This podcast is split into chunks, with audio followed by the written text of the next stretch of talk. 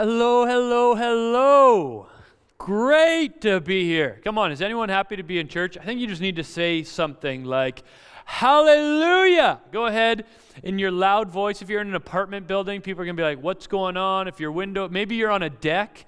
Maybe you're at watch party right now. Watch party right now. I know the pennies often have a watch party at their house. You're on a deck right now and you're going to shout a big hallelujah, and the neighbors are going to be like, what is going on? But go ahead on three. You're going to say, Hallelujah. One, two, three. Hallelujah. Woo.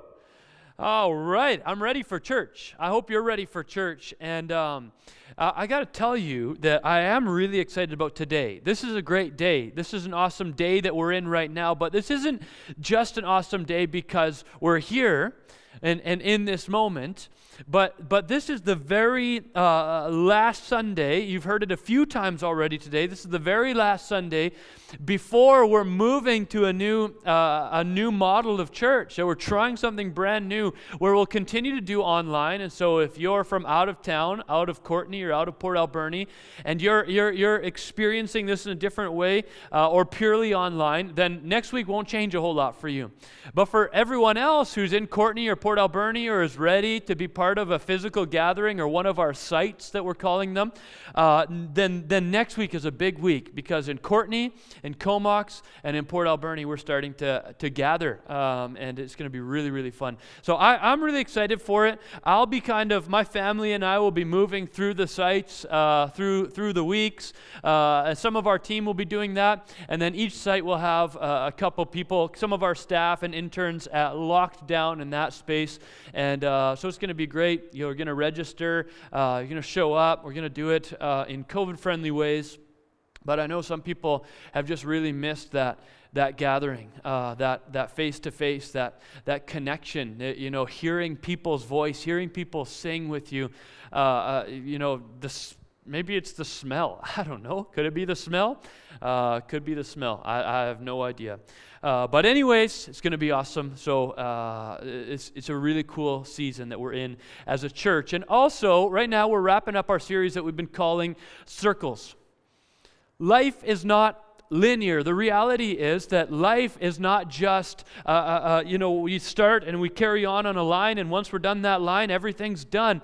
Uh, but life's a little bit different than that. Actually, it's this, this uh, collection of relationships that shape us, that we shape them, that we become who we are, we think the way we think because of uh, how much, because of the circles in our life. Not just the line that we're walking, but because of who we allow into our life, who gets a voice, who, who do we get to speak into? All of those things shape who we are. So we've been looking at the circles that Jesus made in his life.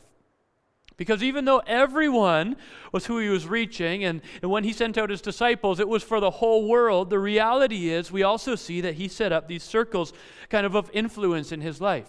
Where he had a circle uh, right in the middle, and that circle belonged to God the Father. He said, I'll never do anything if God the Father doesn't ask me to do it. I only do what He asks me to do. So then the second circle, he, he, he set up to, with three people who are not going to get in the way of that. But they were also with him. He, he called on them to join him and go with him where he was going. And so that was Peter, James, and John. And, and he brought them into some of the deepest, darkest moments in his life. He also brought them into some of the highlight moments of his life.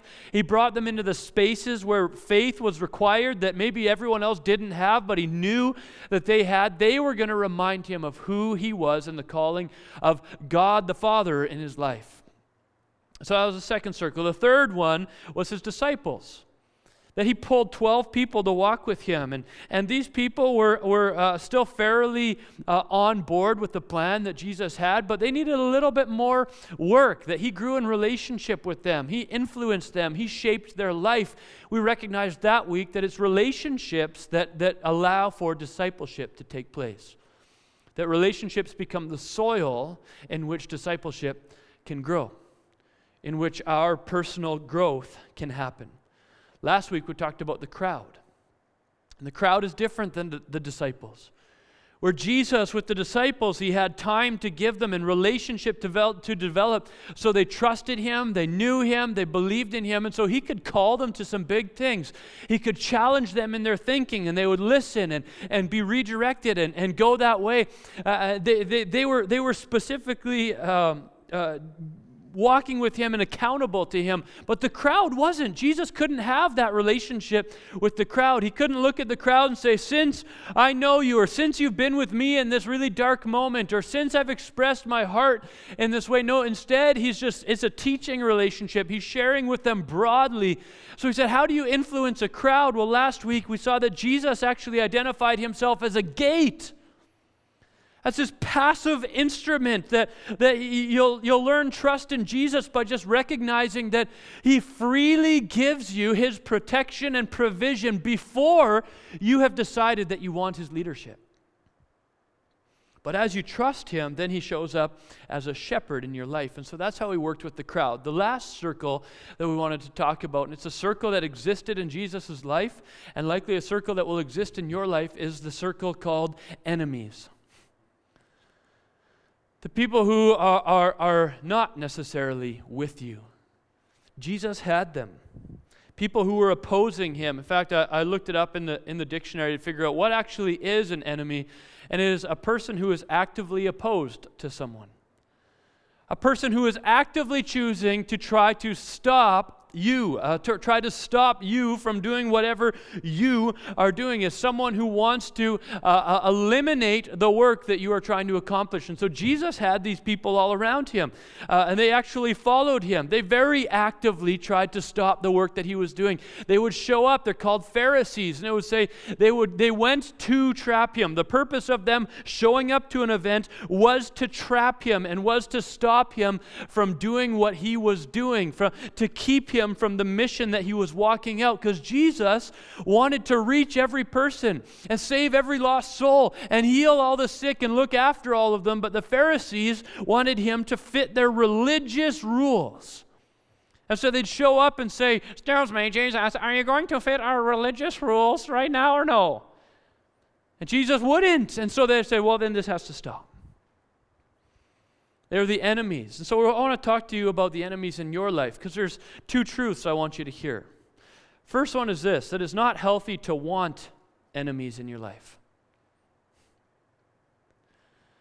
For some people, I think they get kicks for trying to see how many feathers they can ruffle. Just see if I can stir something up and get some people to oppose me and get some people to come against me. Some people think that's a, a successful day in their life. The more people coming against me, the better I'm going to be. Now, I'm not saying that you shouldn't have enemies. In fact, we're going to say that in one second. But I am saying that it's, it's not Christian for us to, uh, for our mission to become, let's see how many enemies we can get in our life. How many people can I bother? How many people can I can I can I stir it up? Because I'm ready to smash the status quo. I'm ready to not live the same in this world. And so if, if I have lots of people against me, I must be doing something right. It's not healthy, nor is it Christian for your goal in life to be to gain enemies. I need you to hear that because some people f- seem to think it is your goal in life.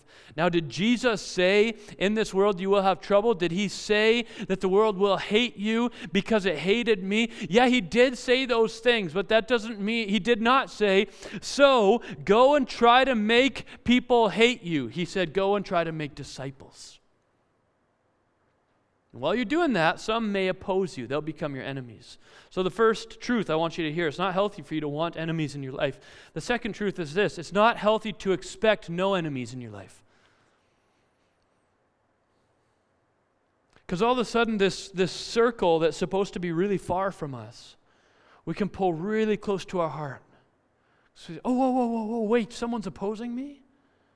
Oh, I, I better change the way I'm acting. I better change what I'm doing because uh, it must mean I'm doing something wrong. Like, if someone opposes me, it, it, can't be right. I need to figure out how I can how I can get back and and, and, and get them back on, on board with me. I, I need to get them uh, uh, with me. What you need to recognize is that if your disciples, the people close to you, start opposing you, check your heart. What's going on? But if the crowd, I mean, they're fickle, so they may or may not. If your enemies oppose you, that's their job.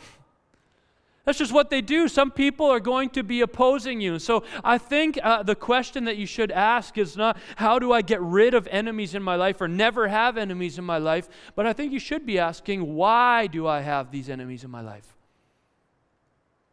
What are they here for? How did they get here? How did I get enemies in my circle? I, I, I, I, don't really know how they showed up, and it's worth it for you and me to search our hearts and say, what was it that, what, what is it in me that they are opposing? If an enemy is someone who actively opposes me, what is it in me that they are opposing? Because sometimes, as Christians, we say, well, they're opposing my beliefs.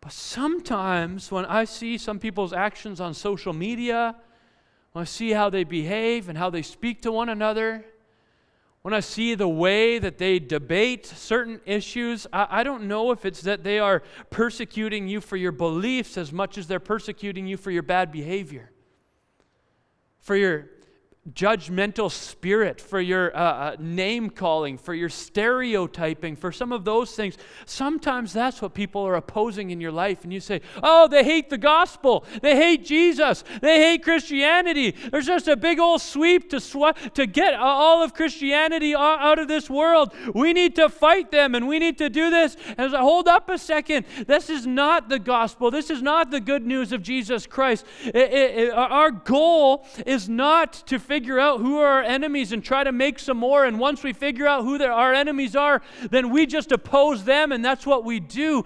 Jesus doesn't come into this world to oppose uh, anything, He comes to reach the lost, find the broken, heal the sick, and in so doing, some people come against that. But if someone comes against you for cutting them off in, the, in, in, in your car, someone comes against you for speaking rudely at a coffee shop, if someone comes against you because you're impatient in a line and, and being really rude, they are not persecuting your Christianity. They're annoyed because you're not being nice. And so figure out why is someone in this circle? But then I, I, I want to, this is what I want to encourage you to, and we're going to see how Jesus does it in a second. I want to encourage you not to spend too much time focusing on them at all. I have a friend, she's part of this church, and, and uh, she's done something really amazing in the community for years. Um, it's been it's been really fun to watch, and and uh, and it's it's caught some attention from some different people at different times, and people excited about it and cheering her on in different ways. But also, uh, when anytime there's something that's great that's happening, also there's people who don't feel as good about it and don't feel as great about it, and so some people have also come against her and said, "Oh, I don't like this," and and and there's really no good reason to not like it. She, some people just decide they don't like it. And I got to sit down with this friend at one point and said, What do you do with that? Like, well, you know, how do you fix that situation? How do you solve that when you, there's no real reason for them to be against me, but they're just coming against me? They just don't seem to like the attention I'm getting, or they don't like seem to like the, uh, the, the product that I'm putting, whatever it is, they, they just don't seem to like it, and they're, they're just rude and they're mean. I can't figure out how to fix the relationship. And my counsel to this person was stop trying to fix the relationship. Leave it. Because if, if it's a disciple, then we try to fix it. If it's the crowd, we may try to figure out what happened. But when it's your enemy and they've put themselves in that circle, you just need to leave it. So when, when we're working with the crowd, we're, we're looking how to lead them. When we're working with our enemies, sometimes we need to figure out how to leave them. Rather than spending all the time fighting, bickering, trying to get the coffee and do it right and trying to make them all happy with you. Sometimes it's just you need to leave it for a little while. You need to give it a little space. Let's watch what Jesus does here in Luke 19 1 to 9. It says, Jesus entered Jericho and was passing through, and a man there was there by the name of Zacchaeus. He was a chief tax collector. To most people, the chief tax collector meant someone that they didn't like because he, he, he was probably scamming a lot of people. He was working for the enemy, the, the Romans, and he was usually uh, taking from his own people. So he usually wasn't a very liked person. Chief tax collector was wealthy. He wanted to see who Jesus was, but because he was short, he could not see over the crowd. So he ran ahead and climbed a sycamore fig tree to see him, since Jesus was coming that way. When Jesus reached the spot, he looked up and said to him, Zacchaeus, you filthy sinner, who do you think you are? No, he didn't say that. Zacchaeus, my enemy. Zacchaeus, you bad, bad person. I oppose you because of your sin. No, Jesus didn't say that either. Well, we, we sometimes wish Jesus would do that. And we, if you know the story, you're like, no, I wouldn't say that to Zacchaeus. But, uh, but I would say it. There are a few people in your life maybe you'd want to say that to. You are a sinner. You're terrible. I hope you fall out of that tree. In fact, get me an axe and let's see if we can get this guy to fall down out of this tree. I mean, this guy has been ripping people off. Uh, he, he deserves what's coming to him. I will choose to actively oppose him. I will be his enemy. This is my enemy. He's the bad person. He's not good. Let's, let's deal with this guy how he should be dealt with. But instead, Jesus says, Zacchaeus, Come down immediately. Jesus is the only one who can make come an order like that sound so nice. Come down immediately. I must stay at your house today. oh, sometimes I just love how the Bible translates what Jesus says. I must stay at your house today. Can we frolic in the field on the way over there? Zacchaeus would be a delight. Now, I want you to recognize something. Zacchaeus is a sinner. In fact, uh, Jesus is perfect and Zacchaeus is a sinner. When, we, when we're going to compare those two, it's very fair to say these are complete opposites. Jesus is there serving people, and Zacchaeus is there serving himself. That's what life has been about for Zacchaeus serving himself, taking care of himself, getting money at no matter what cost it's going to cost anyone else. He's there to serve himself. That's why he got to climb up amongst the ranks of tax collectors to be a chief tax collector. And Jesus is here to serve people. They are exact opposites in this way. Here's something I want you to know just because someone is opposite to you, doesn't mean they are opposing you. Opposite doesn't mean opposing. Zing. If, if someone is different than you, doesn't mean they're automatically your enemy. And sometimes Christians actually have, ha, have more of an issue creating enemies because we see someone who's different than us and we go and actively oppose their lifestyle, actively oppose who they are, actively oppose uh, a, a, a thought process that they have. And in that moment, we create enemies around us. And Jesus instead walks up and he doesn't say, Isn't it crazy how different we are, Zacchaeus? Isn't it crazy how good I am and how terrible you are? Oh, this is wild. This is a real juxtaposition happening here. I love it, Zacchaeus. No, he says, Hey, Zacchaeus, come down immediately and let's go for dinner. It's time. So he came down at once. Zacchaeus does. He says, I'll gladly have you over for dinner. And all the people saw this and began to mutter, Ooh he has gone to be the guest of a sinner. You know where he went, right? Yeah. A sinner's house. That's an enemy. It's the enemy of all of us. He's in the enemy camp. He's doing, the, he's doing terrible. I can't believe he would be at someone's house who is so different than us, and who has been hurtful, and who has been mean, and who has been a sinner. What is Jesus doing at a sinner's house? Now, Jesus could have spent some time in that moment because he knows what they're all thinking and probably, and actually they're muttering, so he hears what they're saying. And he could have said, "Oh, listen, Zacchaeus, never mind. You go home. I got to I got to take some time with these guys. They're having a hard time with this. I get it. You are a bit of a sinner, and uh, it's it's hard to explain, but." Um, we'll see if I get to your house later on, but I just need to take some time with these guys because they're really bummed about this.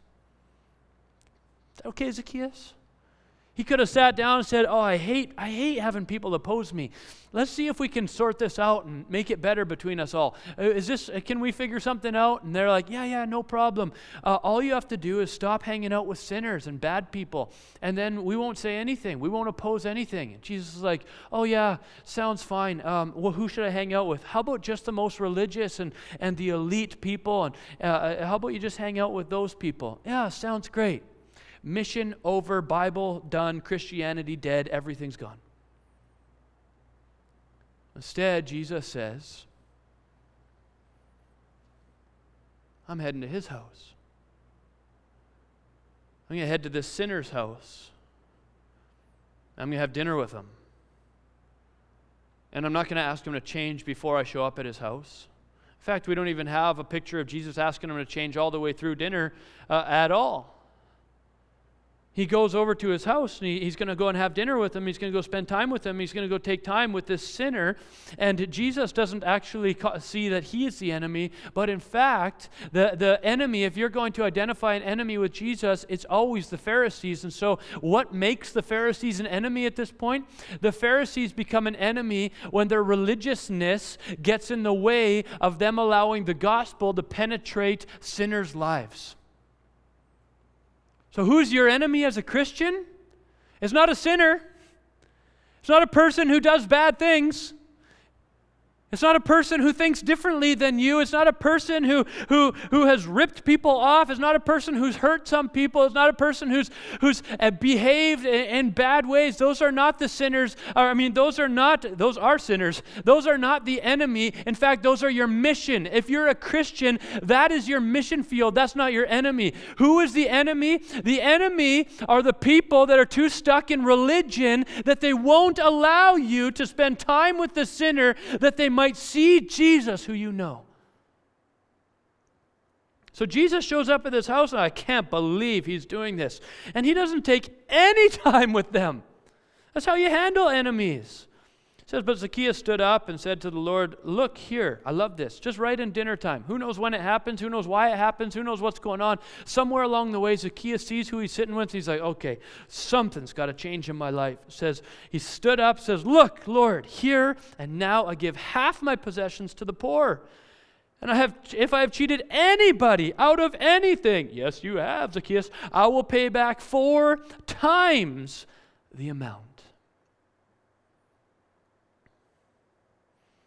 Jesus said to him, Today salvation has come to this house, because this man too is a son of Abraham. In other words, a child of promise.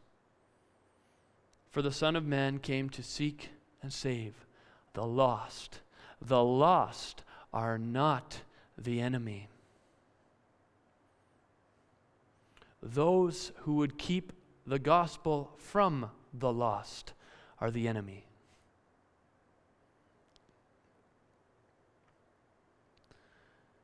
At this moment, Zacchaeus, who maybe was the enemy of people, he became part of the crowd seeing what Jesus was about. Jesus came and identified him and said, Actually, I'm going to pull you out of the crowd. Goes over to his, to his house and he becomes a friend. 2 Corinthians 5:18a says this. All this is done by God, who through Christ changed us from enemies into his friends, from enemies into his friends. Isn't that, a, isn't that a, a crazy thought? That, that sometimes we're so quick to identify our enemies. We're so quick to say, that person thinks different than me, enemy. That person uh, doesn't really like that I like Jesus, enemy. That person uh, doesn't dress the same as me, enemy. That per- and then we're, we're identifying all these enemies. Uh, I think sometimes we are quick to turn people who are either friendly or neutral into enemies. In fact, that's not just a Christian thing, that's just a North America thing right now. Maybe it's beyond North America right now. We love to polarize things right now. If you are, if you agree with, oh, all of these things, then you're with me. And if you agree in missing one of them, you are my enemy.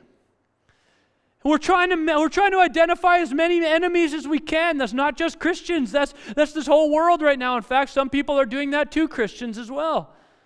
Oh, wait a second. You were very nice and I liked you this way and you were generous in this way, but you don't believe this enemy. We're good at making friendly people and neutral people into enemies, and Jesus instead made enemies into friends. You and I are the recipients of that kind of grace. 2 Corinthians 5 18 19, in a different version of the Bible, speaks it uh, of it in this way. It says, Therefore, if anyone is in Christ, the new creation has come. The old is gone, the new is here. All of this is from God who reconciled us to himself through Christ and gave us the ministry of reconciliation. And how it was just described in, in, in the previous translation is uh, he made enemies into friends. He made us who were enemies into friends of him. In other words, the ministry of reconciliation is about figuring out how to make enemies into friends. And he said, I will make you into my friends. That's called the ministry of uh, reconciliation. And now I will give that to you. Go make enemies of me into friends of me. It's like, what? How are we supposed to do that? It says that God was reconciling the world, world to himself in Christ, not counting people's sin against them. Wow. And he has committed to us the message of reconcile, reconciliation. So, how do we reconcile with our enemies?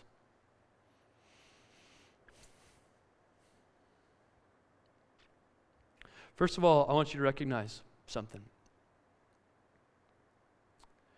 If, if people oppose you because of your bad behavior, defining them as an enemy is not the appropriate response at that point. Apologizing for your bad behavior is the appropriate response at that point. Sorry that I did that rather than you hate, the, you hate Jesus because you don't like that I cut you off in, in traffic. Um, oh, that, that, oh you're, you're mad at me, are you? You're mad at me because I was mad at you because I didn't get my coffee in time? Oh, I can't believe that. Oh, and then you see me at church and now you're oh, you don't like Jesus. Oh, you're an enemy of the gospel. No, you just need to apologize for your bad behavior. Sometimes reconciling with our enemies means recognizing in us the things that we've done that are bad and mean and rude and saying sorry.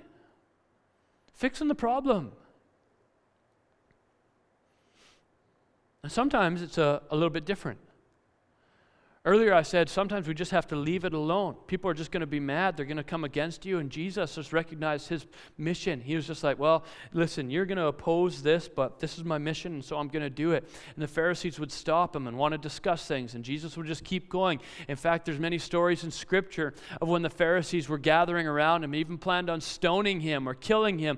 And it was said Jesus would slip out of the crowd and get away, and he'd go to the next city and teach the same things. And he would just leave the situation. See, the the crowd, sometimes we can lead the crowd, but sometimes we need to leave our enemies. But then in Romans 5 10 to 11, we get this other picture of, of what Jesus did with his enemies. It says, For if, while we were God's enemies, here it is again, we were reconciled to him through what? The death of his son. How much more having been reconciled, shall we be saved through his life. Not only is this so, but we also boast in God through our Lord Jesus Christ, through whom we have now received reconciliation. You know what Jesus did for his enemies? When they couldn't, when they were just going to remain enemies, some enemies turned to friends as, as time went on, but some just stood opposed. They were too stuck in their religiousness that they couldn't, couldn't get past it and couldn't get past the systems that they wanted him to fit in and the box that they thought the Messiah should fit in. They couldn't get past it, and so they just remained oppositional to him. They actively opposed his work in reaching the lost uh, for the glory of God. And so uh, some continued to stay in this spot, and so what did Jesus do? He died for them, that they would know his salvation. Well, I was thinking about um, this week as I was preparing this message, I was thinking about some of the last moments between the Pharisees and Jesus. Some of those last moments were when the Pharisees were chanting, Crucify him, crucify him, crucify him. And Jesus was silent.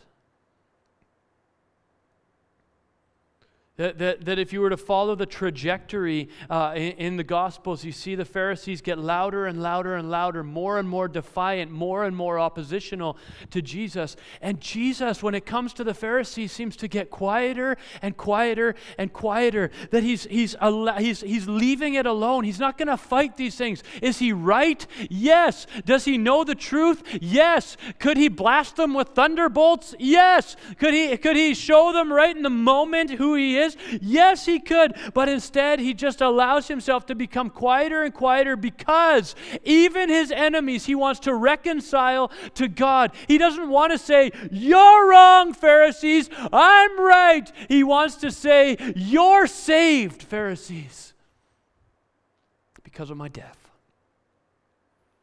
And so he gets quieter and quieter and, and, and, and less and less controversial until he just says, now I'll die for you. And his final words to the Pharisees are Forgive them. Those who just put me here, forgive them, for they do not know what they're doing.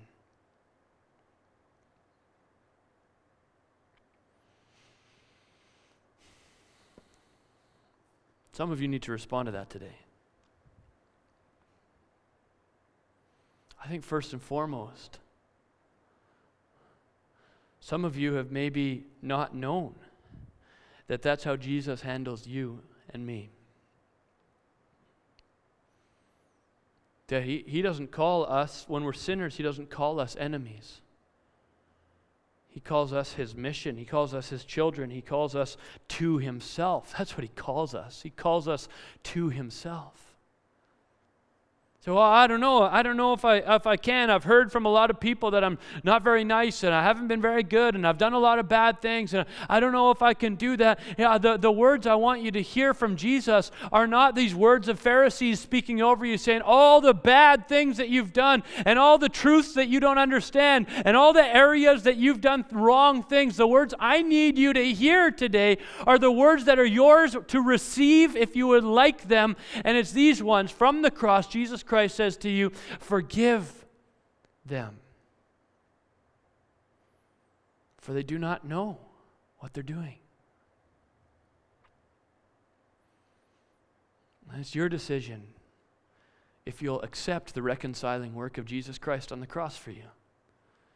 That you would know perfect relationship with the Father. It's yours to choose.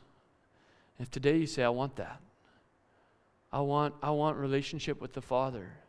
Even while I'm a sinner, Jesus died for me. Even while I was broken, He came for me. Even while I was opposing Him, He died so that I could know Him and know His life, even in that moment. If you want that today, I want you, even in your own room, even where you are in your living room, do something physical. Just raise your hand like this.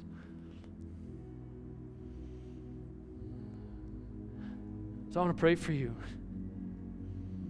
This is, this is something that speaks to our heart. When we raise our hand like this, it speaks to our heart saying, oh, This isn't going to be a quiet thought that I just forget. This is going to be a moment where uh, I, I physically responded to what God was doing. God, I just pray for every person who just put their hand in the air. Wherever they're at, you see them, Lord. It's not important that I see them, it's important that you see them. God, thank you that this is not an enemy of God raising their hand. This is someone who, while opposed to you, you died for, who, while sinning, you died for. Today, help them know the salvation in this home, just like Zacchaeus when he said, Okay, uh, I'm in.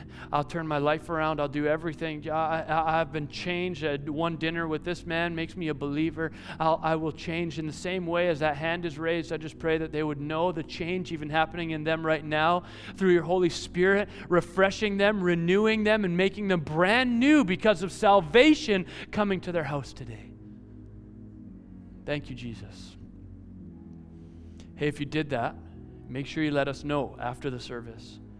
Because we want to know if you made that decision, because we would love to baptize you if you'd let us, and we would also love to get you connected into the church. But for some of you also, you've decided that, that your work in life is not about the work of reconciliation and making enemies into friends, but your work has been about identifying enemies and then opposing them all over the place.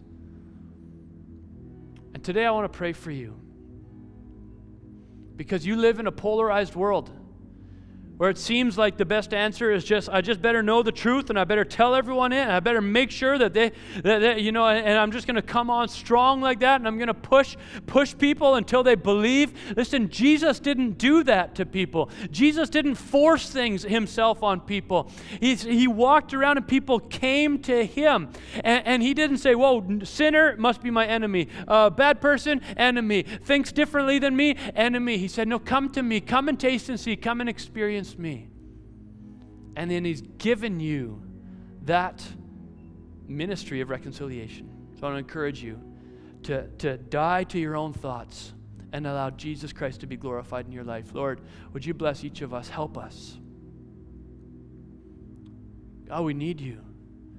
We're in this crazy polarized society where every, everything we say, what, what, what we get from the grocery store, must have something to do with our political standing. God, you know the world we're in. You know how, how corrupt our world is. You know how broken our world is. And you also know that you've put us here for this time now. And the ministry of reconciliation is just as much ours now as it was then. Thank you, Jesus, that you died for every single person no matter their political beliefs, no matter their preferences, no matter how they walk, no matter how they think, no matter what. You died for all of them that they might know you and come to experience you. You died so enemies could become friends. God, help us to put to death our pride that says I have to be right and show everyone I'm right. Help us take on that, that mantle of love and care good deeds to our brothers and sisters and to other people all around the world that they might know you, Jesus Christ, as Lord and Savior. In Jesus' name we pray. Amen.